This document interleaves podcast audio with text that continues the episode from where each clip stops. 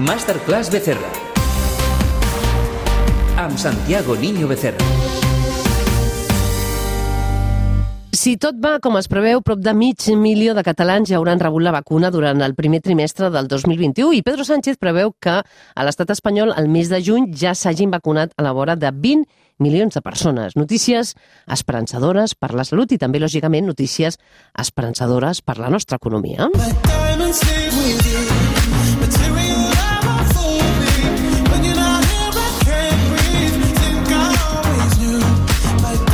Santiago Niño Becerra, molt bona nit.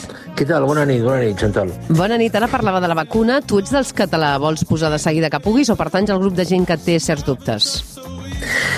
Bueno, és que, és que no ho sé, Chantal, perquè avui mateix eh, s'ha publicat que Pfizer, eh, la vacuna de Pfizer, eh, el govern britànic recomana que a les persones que tinguin mm, problemes d'al·lèrgies greus que no se la posin. Eh, això no estava contemplat.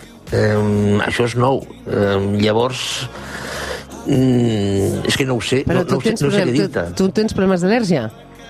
No, però, Ah. però avui ha sortit el tema de l'al·lèrgia. Demà pot sortir amb un- una altra cosa. Jo, jo, crec, jo crec que per la gravetat del tema, sota el meu punt de vista, eh, eh, no s'ha mm, esperat mm, el temps que es tenia d'haver esperat per fer més proves, jo crec, eh? Tenint en compte que és una cosa molt nova. És a dir, és un medicament ultra nou, però a la vegada eh, és ultra urgent posar-ho en marxa. Bé, el que queda clar és que amb la vacuna sembla que tot eh, s'anima, s'animen els àmbits, ve- veien l'altre dia, no?, els primers avis al Regne Unit que els estaven vacunant. Mm. Això pot ajudar a l'economia, però atenció perquè ha passat un dels grans moments consumistes de l'any, el Black Friday, i aquest any les xifres han estat discretes, no? Les vendes amb targeta, per exemple, han caigut un quasi 30%. Uh, Santiago, ens preguntem per què no s'ha reanimat el consum? Tenim la notícia de la vacuna que sembla que anima, però en un moment que es diu mm, que és més necessari que mai, no acaba d'arrencar. perquè, Chantal, són faves comptades. Eh, és a dir, els diners que les persones tenen a la butxaca són els que són i la capacitat d'endeutament de les persones és la que és. Eh, en un moment d'incertesa que no se sap si els certos eh, sí o no, si no se sap si les feines sí o no, que no s'estan fent hores extres, que hi ha incertesa a nivell d'ingressos, la gent va en compte i és mm, molt lògic que la gent vagi en compte. Mm, És a dir, eh, si mm, et gastes al Black Friday tindràs menys diners per gastar al Nadal i, i, i, i al contrari. Mm, De tota manera, mm, mm, hi havia ja informes que mm, per enquestes que s'havien fet eh, una setmana abans i tal, de que aquest Black Friday seria discret. Eh? Uh -huh. Clar, perquè dius eh, mm, que no hi ha diners o que ja és por i ganes d'estalviar més eh, que gastar pel, pel que pugui venir, no? Sí. Però tu sempre dius que de diners n'hi ha. Uh, què s'ha de fer per reactivar llavors l'economia? Sí, sí, Chantal, sí, però diners sobren, sobren diners. Hi ha un excés de diners. Mm, La prova és que s'està comprant deute públic mm, amb interessos negatius, és a dir, que a sobre has de pagar perquè te la venguin. Eh, què, què és el que passa? Que els diners els tenen molt pocs, grans fons d'inversió, eh, bancs que tenen accés als bancs centrals, eh, és a dir, les persones del carrer, que són els que tindrien de tenir els diners, no, no tenen. Eh, és a dir, i el, els diners, que torno a dir, eh, sobren diners, els tenen molt pocs i la majoria no tenen, o tenen els justos. Llavors, clar, mm, la reactivació per aquesta banda és molt difícil. Fixa't, fixa't si, si sobren diners, que el problema, el problema és ficar-los en un, en, en un puesto eh, perquè, per perdre el menys possible Uh -huh. per la inflació, increment de preus, etc etc. Uh -huh. Per cert, segons uh, les xifres més recents, l'atur a la Unió Europea és del 7,6%, són dades d'aquest mes d'octubre, però atenció perquè les xifres de l'estat espanyol són més del doble. Per què aquesta diferència abismal? Tenim uh, dades de l'estat espanyol 16 amb 2. Sí, i, i a l'atur juvenil encara és, encara és pitjor la comparació amb Europa. Per què? Bueno, per, és un tema de model productiu. És a dir, el model productiu espanyol està basat en, en, en el baix valor afegit i amb, eh, és molt intensiu en factor treball. Turisme, restauració, hostaleria, eh, eh, oci... Llavors, clar, eh, pensa que cada, de cada 3 euros que Espanya genera en, en PIB, en producte interior brut, un eh, el genera aquesta, aquesta barreja, no? Turisme, hostaleria, etc etc.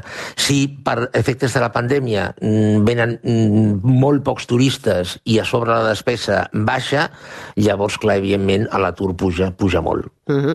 Puja molt. Idees per lluitar contra l'atur. Parlant d'atur, per exemple, a Nova Zelanda ens arriba una idea que l'empresa Unilever implementarà durant un any mm, per veure com va setmana de 4 dies laborals i salari del 100%, eh?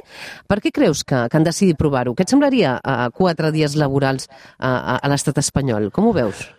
Bueno, eh, a veure, eh, sí, això és una, una proposta que el senyor Pablo Iglesias ja ha fet i, i el senyor ministre mm, Escrivà pues, ha dit que, que, que, que no és possible. Jo crec que no és possible. És a dir, a veure, eh, això ho ha fet eh, Unilever, eh, que és una empresa mm, que treballa amb una productivitat elevadíssima, eh, alt, alt valor afegit, eh, amb un país molt concret, que és Nova Zelanda, a nivell de prova, i afecta 81 persones.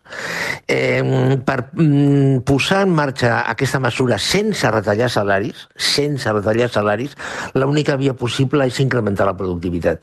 Com? A base d'inversió.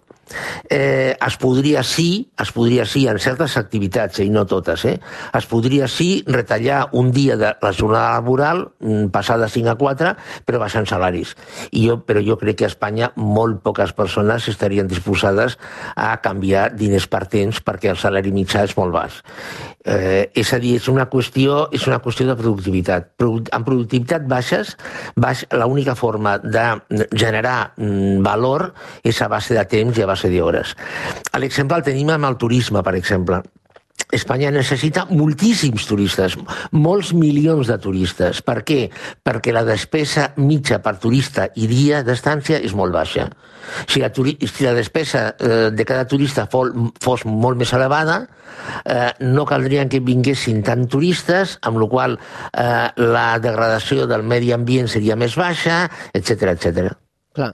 Per cert, és cert, Santiago, que el Fons Monetari Mundial eh, considera que l'economia espanyola eh, serà la més perjudicada per la pandèmia del coronavirus? Sí, i tant.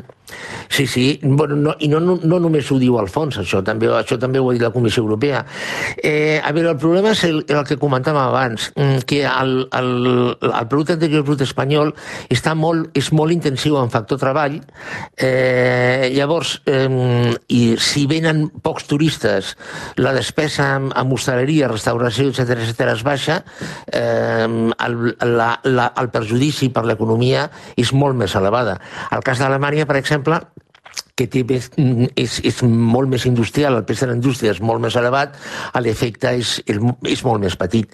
Eh, a Espanya té un problema, eh? té un problema realment molt greu, i, i evidentment unes zones més, més que altres. Per, per exemple, eh, a, aquesta situació pandèmica afecta molt més eh, a la Costa Brava que no, per exemple, a Euskadi, perquè a Euskadi el pes de la indústria és molt més elevat, i és indústria del valor afegit.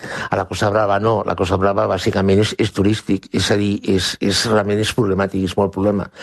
Eh, molt problemàtic. I a la vegada, mm, com Espanya és un país pobre, eh, el, els ajuts que es poden donar als autònoms, a l'hostaleria, etc etc, són, són baixos. Clar. Amb la qual clar, això és un, com diuen el, el jovent, és un mal rotllo. Bé, doncs moltes gràcies, esperem que no, eh? perquè el preu de l'aigua a Califòrnia sí que s'ha duplicat de l'últim any, sí. però esperem que no, que no passi aquí. Santiago Niño Becerra, com sempre, posant el focus a l'economia i explicant-nos amb detall eh? i sense anestèsia la realitat en la que vivim. Moltes gràcies, una abraçada. A tu, a tu, Chantal, bona nit.